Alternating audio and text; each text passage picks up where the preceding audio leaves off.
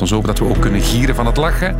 Maar laten we het ons vooral over het dier hebben. De gier met Marleen Huigen. Veel plezier met deze podcast. Weet ik veel.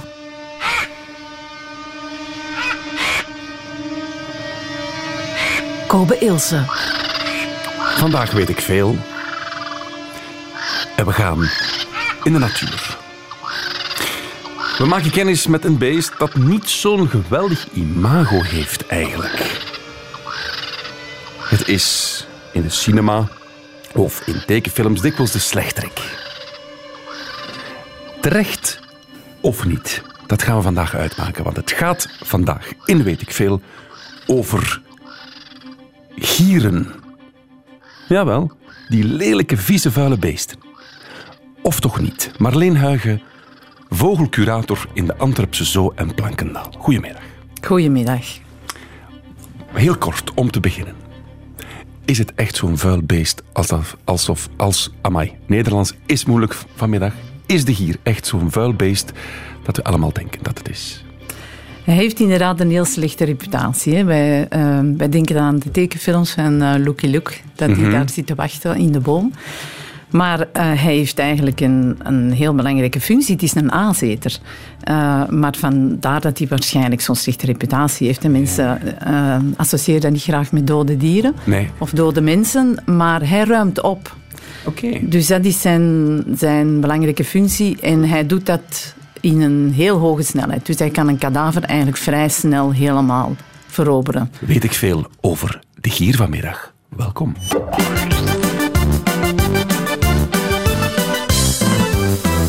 Weet ik veel. Het kan allemaal vandaag, weet ik veel, want het gaat over de gier. Met Marleen Huigen, vogelcurator in de Antwerpse Zoo en Plankendaal.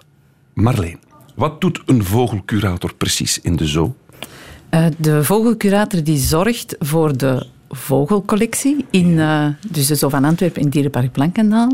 Dus dat wil zeggen dat uh, uh, ik de selectie doe van de vogelsoorten die wij houden in de beide tuinen. Levende, hè? Ja, ja, ja. ja. Het zijn niet ja, opgezette dus toestanden, hè? Het ik, zijn echt wel ja, levende. het is voor een levende collectie, inderdaad. Okay, ja. okay. En dus ook voor de huisvesting. Hoe ga je ze huisvesten? Um, ook de contacten met de andere tuinen. Hoe haal je ze binnen? Wat moeten we ze te eten geven? Kan je ze in groep houden?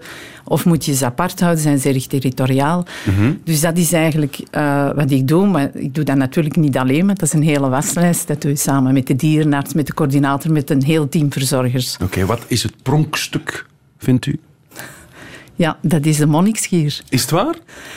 Ja, ik of heb u dat nu omdat het vandaag over de gier gaat en dat u niet uit de toon wilt vallen? Uh, uh, een beetje ook wel, ja, ik zal dat toegeven. dat is heel eerlijk. Ja. Maar, maar, eigenlijk heeft nee. u eer voor de pimpelmees. U mag eerlijk zijn. Nee, ja. nee, nee uh, er zijn nog andere vogels die me ook heel erg boeien. Zoals ja, de ooievaars, daar zijn we ook heel veel mee bezig. neushoornvogels vind ik heel interessant. Er zijn eigenlijk vogels met heel typische gedragingen. En heel kort, wat is een neushoornvogel? Uh, dat is een vogel die, uh, ja, die valt dus eigenlijk op door zijn enorme snavel. Ah. En die heeft een heel speciaal gedrag, dat is dat hij zich inmetselt. Het vrouwtje zal zich inmetselen in uh, een boomstam. En het mannetje geeft haar ondertussen eten terwijl dat ze daarin zit. Zij legt dan eieren, zal die jongen groot brengen. En als die jongen groot zijn, dan komt ze er terug uit. En dat hele proces kan bijna honderd dagen duren. En ondertussen moet die man dus haar voederen. En zij zit gewoon ingesloten in de boom? Ja, ja. Oké, okay, goed. Maar bon, van, ja. het gaat niet over de neushoorn. Het gaat vandaag over de gier. We zeiden het daarnet al, hij heeft een slecht imago. Want het is een aaseter. Dat wil zeggen dat hij zich voedt met de dood. Klopt dat? Ja, met dode dieren, inderdaad.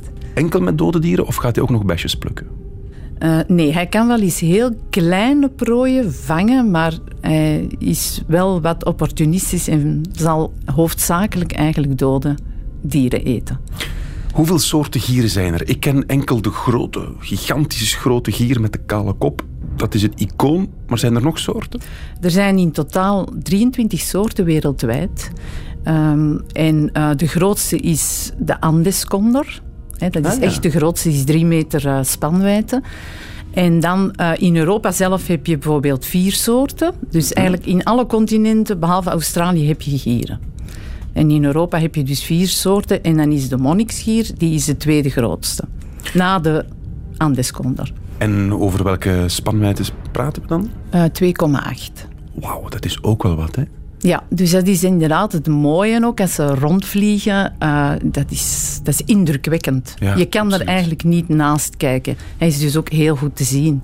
Dus vier soorten. Je hebt de monniksgier als grootste en dan nog? Wat, wat Uh, dan heb je nog de lammergier, de valengier en de aasgier. De Egyptische aasgier, dat is het kleine broertje eigenlijk. Kunnen we die, de luisteraar die nu thuis zit en naar de hemel kijkt, kan die op dit moment een gier zien voorbijvliegen of, of niet in België? In België niet. Uh, het is soms wel eens dat er een paar gieren tot hier komen, maar dat is eerder omdat ze zijn aan het rondzwerven. Mm -hmm. uh, maar ze komen vooral voor waar dat er heel veel gebergte is, dus dat is het zuiden van Europa. Laat ons eens kijken naar het beest aan zich. Wat is karakteristiek? De kop. Ja. Hoe ziet die kop er precies uit?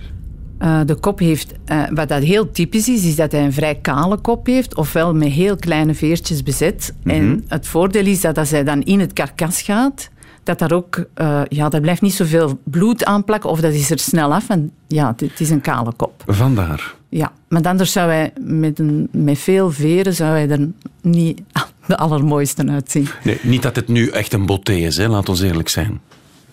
Of... Ik ben het niet met jou eens. Maar is het waar? Ja. ja. Ga je mij nu al ja. spreken? Ja. Jij vindt het dus een prachtig beest? Ja, omdat ze... Ja, ik vind het mooie dieren. Ze zijn ook heel komisch en ze zijn ook heel lief. En vandaar dat ik het heel mooi, uh, prachtig dus, dier Dus eigenlijk in plaats van dit soort muziek, zouden we eigenlijk, als we eerlijk moeten zijn, eerder zo... Jij vindt dit, dit, dit is eerder de gier voor jou. Ja, ja. Zo een, een vrolijk beest dat, dat, dat rondvliegt en dat er eigenlijk heel komisch uitziet. Ja, het is gewoon een fascinerend dier. Oké. Okay. Ja. Ogen. Kan hij goed zien? Hij kan heel goed zien. Uh, uh, hij kan eigenlijk een kadaver op 35 kilometer afstand al uh, detecteren. 35 ja. kilometer? Ja. Dat is, als hij boven Linkeroever hangt, zit hij in Gent een prooi.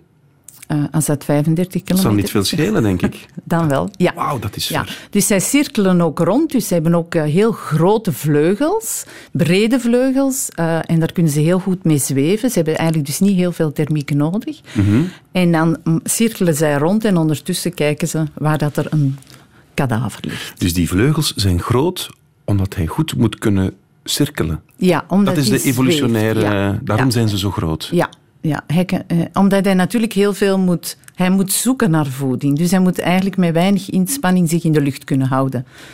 Is het een slim dier? Hij is heel slim, Kopen. Ja? Nee, nee, het zijn echt wel intelligente dieren, ja. ja. Waarom, waarom zeg je dat? Want hij heeft een klein kopje en een struisvogel heeft dat ook. En ze zeggen wel eens, struisvogels zijn de domste dieren ter wereld, omdat ze gewoon zo'n klein kopje hebben. Uh, een, een gier onthoudt heel goed. Bijvoorbeeld, dat is al een van de zaken. Dus als je, um, hij weet heel snel als er iets misgaat.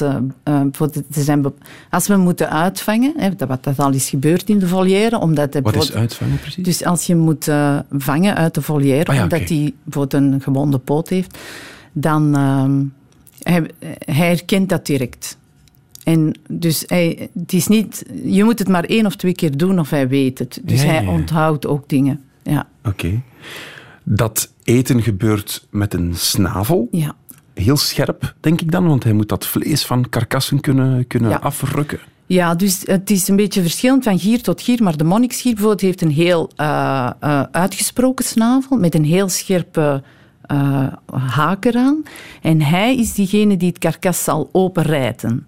Dus, uh, dus hij moet er eigenlijk als eerste bij zijn. Of ze moeten wachten op hem, de andere gieren. Want hun snavel is niet sterk genoeg. Maar die van de monniksgier, hij rijdt echt het uh, karkas open. Dus hij kan, als een dier net gestorven is, hij kan die buikwand opensleuren. Klopt, ja. Het is niet dat, hij, dat het karkas al bloot moet liggen. Nee, hij kan, nee, dat, nee, hij hij kan, kan kan dat, dat helemaal ja. optrekken. Ja. Als we nu eens over de persoonlijkheid van het beest gaan. Hey, je hebt er elke dag mee te maken. Zou je kunnen spreken dat het lieve dieren zijn? Komen ze, herkennen ze jou? Komen ze goeiedag zeggen? Of, of niet? Uh, naar mij toe zeker niet, nee. En is dat uh, iets persoonlijks of is het naar alle mensen zo? Dat is naar alle mensen toe. Okay. Maar als je van lief spreekt, dan kan je wel zeggen, ze zijn heel lief voor elkaar. Het zijn echt tortelduifjes. Dus, ehm, Wat zeg je? Het zijn tortelduifjes? Ja, ja. Dus ze, Ze houden van elkaar. ja, Prachtig. En hoe merk je dat? Ja. ehm, hoe merk je dat? Je, je ziet dat gewoon. Als je ze observeert, dan ga je zien dat ze elkaar groeten. Och, hè. Ja, dus, dus het mannetje groet het vrouwtje. En als ze elkaar graag zien, dan gaat het vrouwtje teruggroeten. Wat dat ze nog doen, ze leggen elkaars veertjes goed. Dus ze zijn met elkaar bezig. Zoals apen die elkaar ontluizen, Ja. doen Ja. gieren dat ook. Ja, ja, dus ze zeggen van jouw veertje ligt niet goed, ik zal dat even wat beter leggen. Kan je de emotie ontleden uit deze brul van de gier? Is dit, een, is dit iets liefkozend of is dit gewoon ik ben hier? Is het een gier? Ik denk niet dat het een gier is. Meen je dat? gezegd. Dan hebben ze Ja. mij iets in mijn handen gestoken. Nochtans op YouTube is het een gier. Maar ja, bon, op wat op internet staat moet je ook niet altijd geloven. Want een gier die maakt eigenlijk vooral geluid als hij bijvoorbeeld aan een karkas, als ze vechten, maken ze geluid. Dan, geluid, dan, dan, ja, dan krijsen ze zo wel Ah, wat. ja. Maar zo in de eenzaamheid roepen, Is dit een gier? dat zou kunnen, ja. Ah, ja. dit wel. Ja, maar dit niet. Ik vind het heel raar, omdat het eigenlijk verwacht je dan verschillende kreten Ah, ja. tegelijkertijd. En dus het is zo wat, ja. Oké, bon. Radio 1, het moet ook niet altijd correct zijn. Kijk, hoog in de lucht. Een vogel. Een vliegtuig. Het is... Weet ik veel. Sterke jingle. Het gaat vandaag in Weet ik veel over de gier. Met Marleen Huigen, vogelcurator van de Zoo Antwerpen en Plankendaal. We hebben al geleerd dat de gier een imagoprobleem heeft en dat dat eigenlijk onterecht is. Want het is, of ze kunnen lief zijn voor elkaar, maar ze zien er wat akelig uit en ze voederen zich met kadavers. Ze komen voor in Europa, hebben we ook al geleerd. Laat ons daar eens over doorgaan, want in België hebben we ze nog niet gezien, of ik heb er nog nooit een gezien. Waar moeten we dan gaan kijken in Europa? Waar vliegen ze rond? Eh, ze komen voor in het zuiden van Europa. Ehm, dus in, eh, tot de jaren, eh, eigenlijk vroeger helemaal in Zuid-Europa. En dan tot in de jaren 90 zijn ze dan eigenlijk ehm, helemaal teruggevallen en had je er alleen nog maar in Spanje en eh, een vrij goede populatie in Spanje. Maar dus vroeger had je ze in Frankrijk, Italië, de Balkan. En we hebben nu nog een kleine populatie ook in Griekenland. Maar we zijn nu de, eh, sinds eh, de eind jaren 90 zijn we begonnen met het terug uitzetten van die gieren in Frankrijk en op Mallorca. Ja. En dus eigenlijk de populatie in Europa is terug aan het stijgen. Dat is goed nieuws. Ja, dat is zeker goed nieuws. Wereldwijd echter is er wel een probleem, want eh, in eh, Azië en meer bepaald in India ehm, heeft men eh, het, de, heeft men daar behandeld met een ontstekingsremmer diclofenac.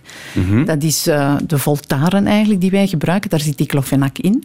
En ehm, die kadavers werden dus voor de gieren gelegd. En diclofenac is dodelijk voor gieren. Maar in het begin wist men dat natuurlijk niet. Men zag dus eigenlijk dat die populaties enorm naar beneden gingen. En men wist niet goed waarom, maar dan heeft men gezien eigenlijk dat dat dodelijk is voor gieren. Ah. Nu bestaat er een perfect substituut, dat is meloxicam. Dus eh, in India heeft men gezegd, we, we gaan dat verbieden. Ja. Dus dat mag niet meer. Maar in andere landen is dat nog een probleem. Onder andere ook in Europa mag dat nog steeds gebruikt worden. ja, nu als ik eerlijk ben, Marleen, ik heb ook liever dat de koeien gezond zijn dan dat er een gier in de lucht hangt.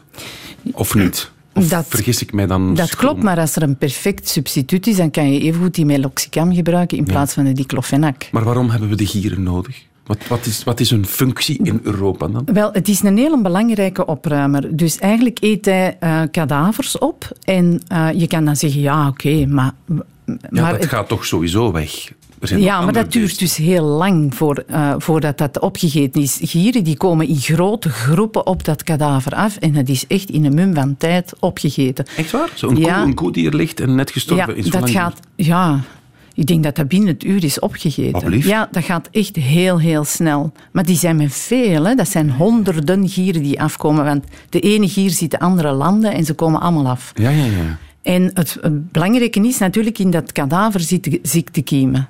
Zitten bacteriën. En dus eigenlijk die gieren die eten dat op en in hun maag doden die die bacteriën en die ziektekiemen. Dus die, dat kan zich niet verspreiden. Dus ze zijn een heel belangrijke uh, controleur eigenlijk, of, of doder van ziektekiemen. Ah, Oké, ja, ja, ja, daarom is het belangrijk. Ja, daarom zijn ze eigenlijk heel belangrijk. Men heeft dus ontdekt bijvoorbeeld in, in, in Afrika, waar dat de gierenpopulatie nu ook enorm is naar, uh, aan, naar beneden is aan het gaan, dat je een uitbreiding hebt van hondsdolheid omdat eigenlijk de kadavers blijven liggen. Uh, er komen dan heel veel uh, honden, hyena's, jakhalzen eten dat op. Maar die zijn ook drager van hondsdolheid. En op die manier wordt dat meer verspreid. Ah, oké. Maar voordat die antibiotica dat is van de laatste 20, 30 jaar. Is, is dat de voornaamste reden? Of, of heeft de opwarming van de aarde ermee te maken? Overpopulatie in Europa? Zijn dat ook factoren? Of, hoe bedoel je? Dat ze, dat ze verdwenen zijn uh, uit Europa. Je zegt uh, daarnet van het gaat ja, over... Nee, in Europa is het eigenlijk vooral een voedseltekort.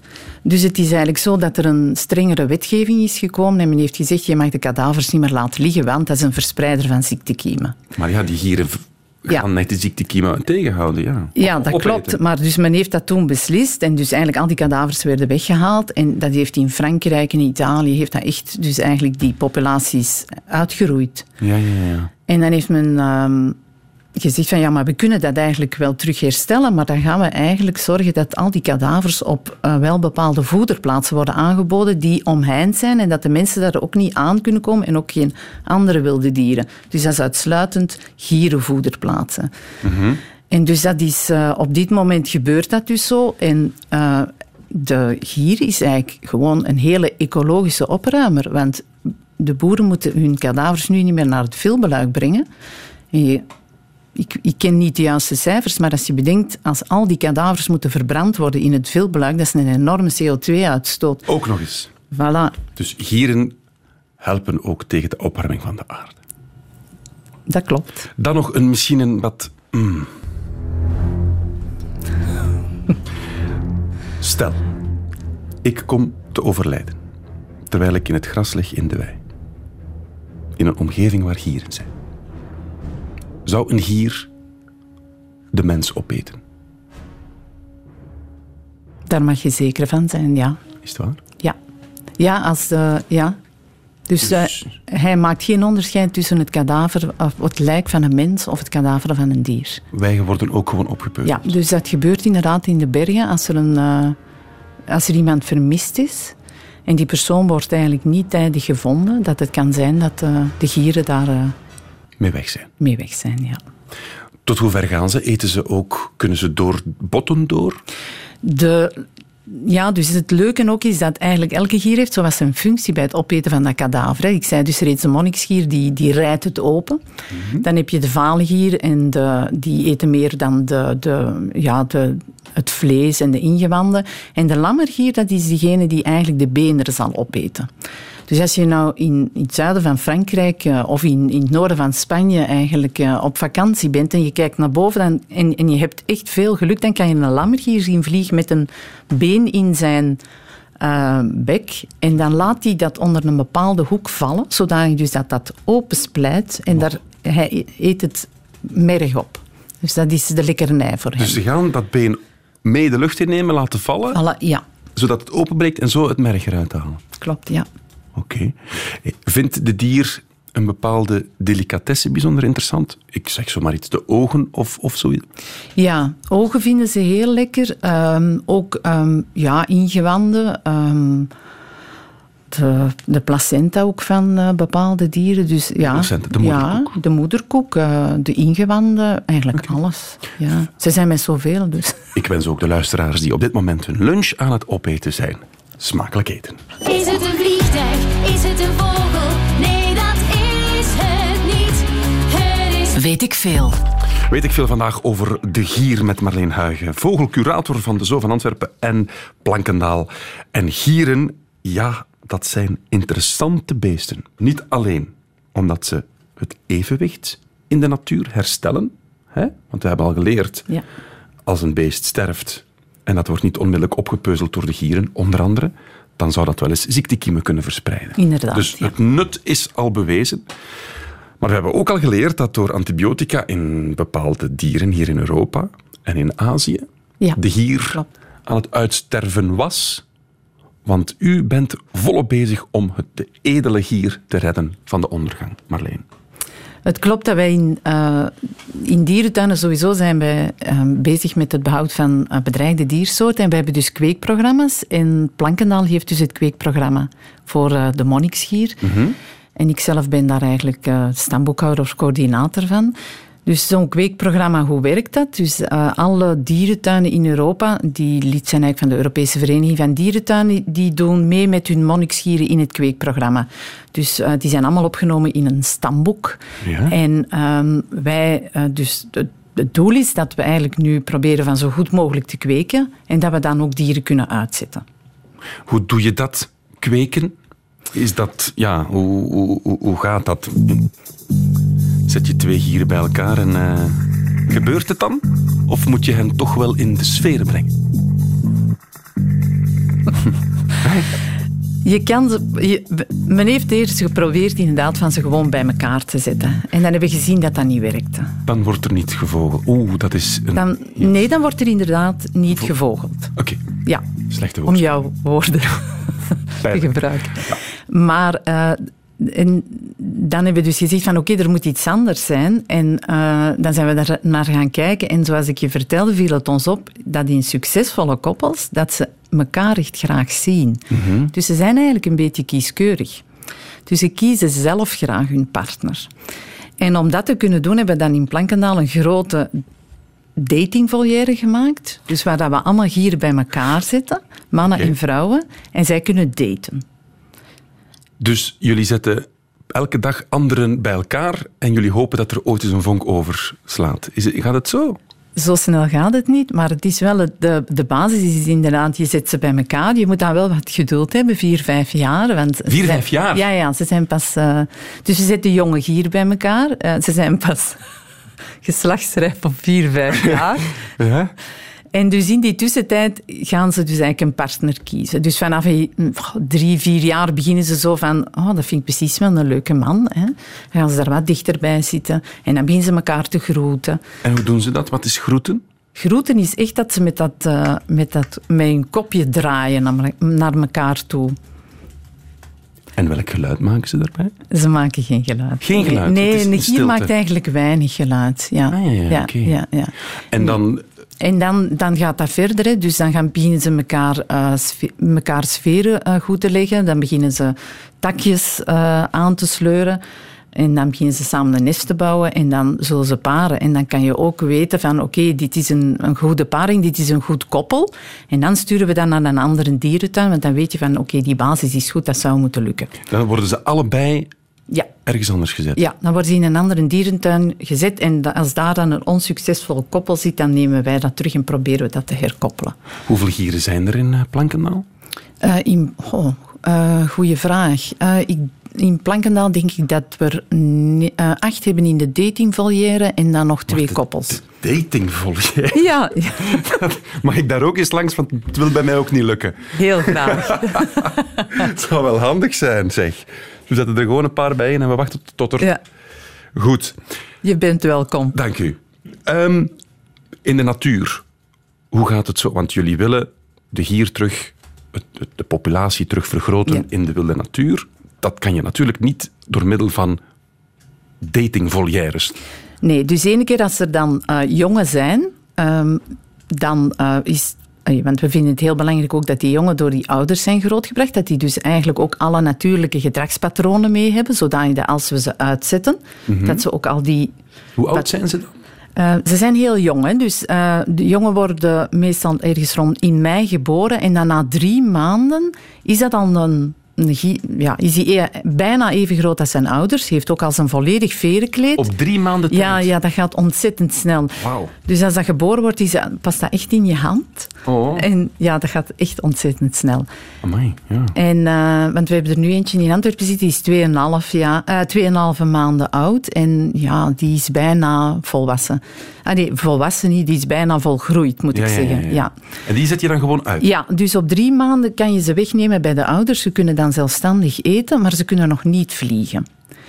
Eh, ze zullen pas op vier maanden ten vroegste uitvliegen. Dus dan brengen ze wij, wij ze naar de uitzetplek in uh, Frankrijk, bijvoorbeeld in de Gorge du Verdon. En daar zetten we ze op een kunstnest. En uh, dus ze zijn daar dan verplicht van daar een maand te verblijven. We zetten ze ook met verschillende jongens samen, zodat ze niet alleen zitten. Vastgemaakt dan? Of, of nee, nee, nee, nee, nee, want ze kunnen toch niet Ah, ja, vliegen. Ja, Uh, en dat is meestal echt op zo'n uh, falaise, allee, op zo'n rots. Uh, uh, dat we ze zitten. Uh, en uh, dan tijdens die maand dat ze daar gedwongen zitten, omdat ze toch niet kunnen wegvliegen, ze kunnen nog niet vliegen, dan gaan ze zich fixeren op die omgeving of inprenten op die omgeving en dan denken ze van ik ben hier geboren. Nee. En dus eigenlijk als ze dan uitvliegen, is de kans dat ze daar blijven ook heel groot. En dat is het voordeel eigenlijk van die dieren die uit het kweekprogramma komen. Om, hè, wij kunnen die heel jong wegnemen van de ouders. En uh, zij fixeren zich vrij goed op de uitzetplekken. En lukt het? Want hoe lang ben je er nu mee bezig met dat programma? Uh, ik denk van 98, ja. 98? Dus. Ja, ja maar het, het, het, er was al een kweekprogramma daarvoor, maar ik heb dat dan op een gegeven moment overgenomen. En ja. lukt het? Is het, is het verviervoudigd, vertienvoudigd de populatie? Hoe kan het, je uh, dus bedoel je dan de populatie die we uitzetten, dat lukt eigenlijk heel goed. goed. Die, ja. die kweken ook en, en ja, zijn terug Ja, dus wij hebben uh, op drie plekken uitgezet in Frankrijk. In de is dus het Centraal Massief. In de Baronie, dat is de Drôme Provençal, dus dicht bij de Mont Ventoux. En dan, uh, dan ook in de Gorge du Verdon. En eigenlijk werkt het heel goed. Ja, we hebben nu een 35 uh, kweekkoppels daar. Prachtig. Ja. Nu, we zetten niet alleen dierentuindieren uit. We zetten dus inderdaad... Um, da daar beginnen we mee, omdat die zich zo goed fixeren op die plek. Maar één keer dat er monnikschieren aanwezig zijn, kan je eigenlijk andere monnikschieren uit Spaanse revalidatiecentra... He, want ik heb in het begin gezegd, ja, heb je een vrij grote populatie. Er zijn al dieren die he, bij hun eerste vlucht, die altijd vrij risky is, he, uh, risicovol is, dan... Um, brokken maken. Ja, kan je brokken maken. Die dieren komen in een revalidatiecentrum en die worden dan daarna afgestaan aan het uitzetproject. En die kunnen we dan daarna beginnen lossen. En dus op die manier uh, groeit die populatie ook wel goed aan. In Europa, in Azië zei je, is het echt problematisch. Ja. Afrika? Afrika is op dat die... is het continent van de gier, lijkt mij. Ja, dat klopt. Hè. Wij associëren dat inderdaad ja. met, uh, uh, met die giertaferelen van uh, een dode zebra. Waar voilà, dan voilà, ja, voilà. inderdaad. Daar gaat het eigenlijk heel slecht met die gier. Op dit ogenblik is die enorm, zijn de verschillende giersoorten daar enorm naar beneden aan het gaan. En dat heeft eigenlijk zo wat verschillende oorzaken. Maar een van de belangrijke oorzaken is toch wel het gebruik van gif. Nu, dat is algemeen uh, bij gieren een probleem, ook hier in Europa. Omdat ja, wij als mens gebruiken heel veel gif. Hè. We willen een rat bestrijden, we gebruiken gif. Ja. We willen vossen bestrijden, we gebruiken een gif. Um, nu, in Afrika ligt dat probleem... Die, uh, die mensen gebruiken ook, of de herders daar gebruiken gif, omdat ze eigenlijk uh, hun kuddes willen beschermen tegen leeuwen. Dus ze leggen daar een vergiftigd lokaas en die leeuw gaat daarvan eten. Ah maar de gier ook. En de gieren allee, sterven daar dus massaal. Um, en uh, het ook met de, de stropers. Hè, er wordt heel veel um, gestroopt, uh, die, -hmm. uh, in, vooral eigenlijk horen van neushoorns. En gieren die hebben dat vrij snel gezien dat daar een kadaver ligt, dus beginnen daarboven te cirkelen. En dus het is heel vervelend voor die stropers, want dat verraadt hun. Tuurlijk. En dan leggen zij daar ook gif en dat heeft dus ook al tot massale sterftes geleid. Wat een triestig verhaal. Dus de gier ja, ja, is dus niet dat geliefd, is... terwijl hij eigenlijk zo nuttig is voor de natuur. Ja, dus bij stropers is dat het probleem. Maar uh, ja, het is ook vaak dat een beetje uit, uit... Er zijn alternatieven om, om bijvoorbeeld die leeuwen weg te houden. Ja. Of om ratten te doden. Er zijn gewoon alternatieven. Marleen, je neemt het op voor de gier, waarvoor dank. Wel een kleine rechtzetting in onze mailbox van uh, dokter Klaas. Als veearts moet ik toch reageren op het misverstand dat diclofenac een antibiotica is. Ja, dat klopt. Het gaat om een ontstekingsremmer. Ja, ja, dat is juist. Voilà, ja. dat hebben we bij deze. Ja, dat is inderdaad geen antibioticum. Ja, voilà. dat is een ontstekingsremmer. Dokter Klaas, ja. dankjewel voor uw reactie. Hé, hey, vogel, wat gaan we doen? Weet ik veel. Hé, hey, hey, ik heb een ideetje. Hey, hey, laten we even de grote swingende blitz maken in de lucht, hè? Oh, uh, mafkop, ik heb een broertje dood afvliegen. Oh, hebben we dat broodje al opgegeten, hè? Lachen gieren. Oh, oh. Lachen, gieren met gieren vandaag in eh, Weet ik Veel.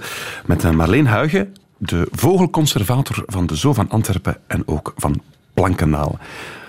Man, man, man, wat een interessante vogel is me dat. De gier. En er komt ook een vraag binnen, Sofie, in de mailbox. Hoeveel jongen kan een monniksgier hebben? De monniksgier legt één ei. Oh. Dus uh, potentieel uh, kan er één jong uitkomen. Dus dat is, uh, ja, per jaar ligt hij maar één ei. Hij heeft ook een hele lange broedtijd, dus 56 dagen. Dus je moet heel veel geduld hebben en dan weet je of dat er al of niet een jong uitkomt. Het is ook zo dat hij al eens graag een sabbatjaar neemt. Oké. Ja. Um, en uh, ja, dus hij is dan bijvoorbeeld succesvol het jaar erop niet, of twee jaar uh, na elkaar niet, en dan zal hij terug uh, succesvol zijn. Dus hij, hij, durft al wel eens een sabbatjaar. Kunnen we spreken van een luidier? Nee, zeker niet. Nee, want um, de broedzorg, de, dat is ook weer het mooie bij gieren. Ze broeden allebei, man en vrouw. Oh, ik zie jou kijken. Nee, nee, nee, nee, maar ik ben interessant. En uh, het is ook zo dat uh, ze samen het jong grootbrengen. Dus uh, ja, okay. mannen en vrouw brengen samen het jong. En als we het dan toch helemaal in de romantische sfeer zitten, blijven ze ook heel hun leven samen? Ja, ze zijn zoals we zeggen monogaam. En ze blijven heel hun leven samen. Nu, als we in het kweekprogramma een koppel hebben dat ja, dat we zien van oké, okay, dat werkt hier niet. En dat kan bijvoorbeeld zijn omdat een van de partners onvruchtbaar is. Dan gaan we ze toch uiteenhalen. Dan zetten we ze even alleen. Ja? En dan nemen ze wel een nieuwe partner aan. Ja, dus je kan ze herkoppelen. Je kan ze herkoppelen? Maar ze doen het normaal gezien niet. In de natuur uh, hebben we ook onderzoek gedaan en daar blijkt dat ook uit dat ze toch eigenlijk vooral monogaam zijn. Mooi, hè? Hoe herken ik een mannetje van een vrouwtje? Je kan dat uiterlijk niet zien. Nee. Je kan dat niet nee, zien? Niet nee, in ja, grootte of in... er, is, er is een klein verschil. Dat is dat het vrouwtje iets zwaarder is en iets groter. Maar in, ja, dus in het verleden werden gieren op die manier inderdaad uh, gesext, zoals wij zeggen. En dan uh, werden die bij elkaar gezet. Maar dus um, als wij het kweekprogramma in Antwerpen hebben overgenomen, hebben wij dus eigenlijk, wij, hebben ook een wetenschappelijk labo, het Center for Research and Conservation, en die hebben gezegd van, vraag eens aan alle gieren, uh, aan alle tuinen die gieren houden, vraag daar veren uh, aan en een bloedstaal, dan kunnen wij al die dieren eens herseksen. En er zijn toch redelijk wat fouten uitgekomen. Dus er waren een aantal koppels die gewoon niet succesvol waren, omdat dat twee vrouwen waren. Oei. Ja, en soms legden die dan wel twee eieren, maar we hebben ook een koppel gehad die dan maar één ei legde, dus die dan zo slim waren om, om maar één ei te leggen. En die, die dat gedragen dat, zich volledig als een koppel. Hè? Maar, dus je zet twee vrouwen bij elkaar ja. en die gedragen zich als man en vrouw? Ja. Die leggen zelfs een ei, ja. maar dat kan natuurlijk nooit een jong in zitten. Nee, nee inderdaad. Onwaarschijnlijk. Ja. En, die, en wat doen dan dus, twee mannen als je die toevallig... Ja, dat is hetzelfde. Hè? Dus je hebt eigenlijk inderdaad uh, uh, homokoppels. En je kan ook homokoppels hebben. Als er bijvoorbeeld te weinig vrouwen in de buurt zijn, dan gaan ze zich koppelen aan een man. Och. Ja. Maar dan kunnen ze toch geen ei leggen? Nee, nee dan niet. Hè. Nee, bij, bij, bij mannetjes zie je het al vrij snel dat er ergens iets niet klopt, want er komt geen ei. Maar die gedragen zich wel al als, als koppel? Ja, dat kan perfect. Ja. Heerlijk. Ja, en die bouwen samen een nest. Die bouwen echt ja. twee mannen. Ja. En zie je dan ook dat een van de twee het en, vrouwtje speelt? Ja, dat kan ik moeilijk zeggen. Maar, maar dus de ene groeit en de andere groeit terug. Dus... Dat is, dat is, ja. is heel bizar dat de natuur dat, dat doet. Want dat, dat heeft toch geen gevolg? Ja, of dat heeft geen functie. Hè? Ja, ja, voilà, ja, natuurlijk. Ja, dat klopt. We krijgen nog een vraag um, op Twitter. Ja, een beetje triestig. Het, het ging daarnet over het feit dat jullie na een paar weken, een paar maanden, het jong wegnemen van de ouders in het kweekprogramma. Doreen op Twitter was geëmotioneerd en stelde de vraag: missen de gieren hun kroost niet als jullie ze dan wegnemen? Want we hebben al Ja. geleerd dat de gieren emotionele wezens zijn. Ze blijven heel hun leven samen. Dus het zijn dieren met gevoelens. Missen ze hun jong niet dan?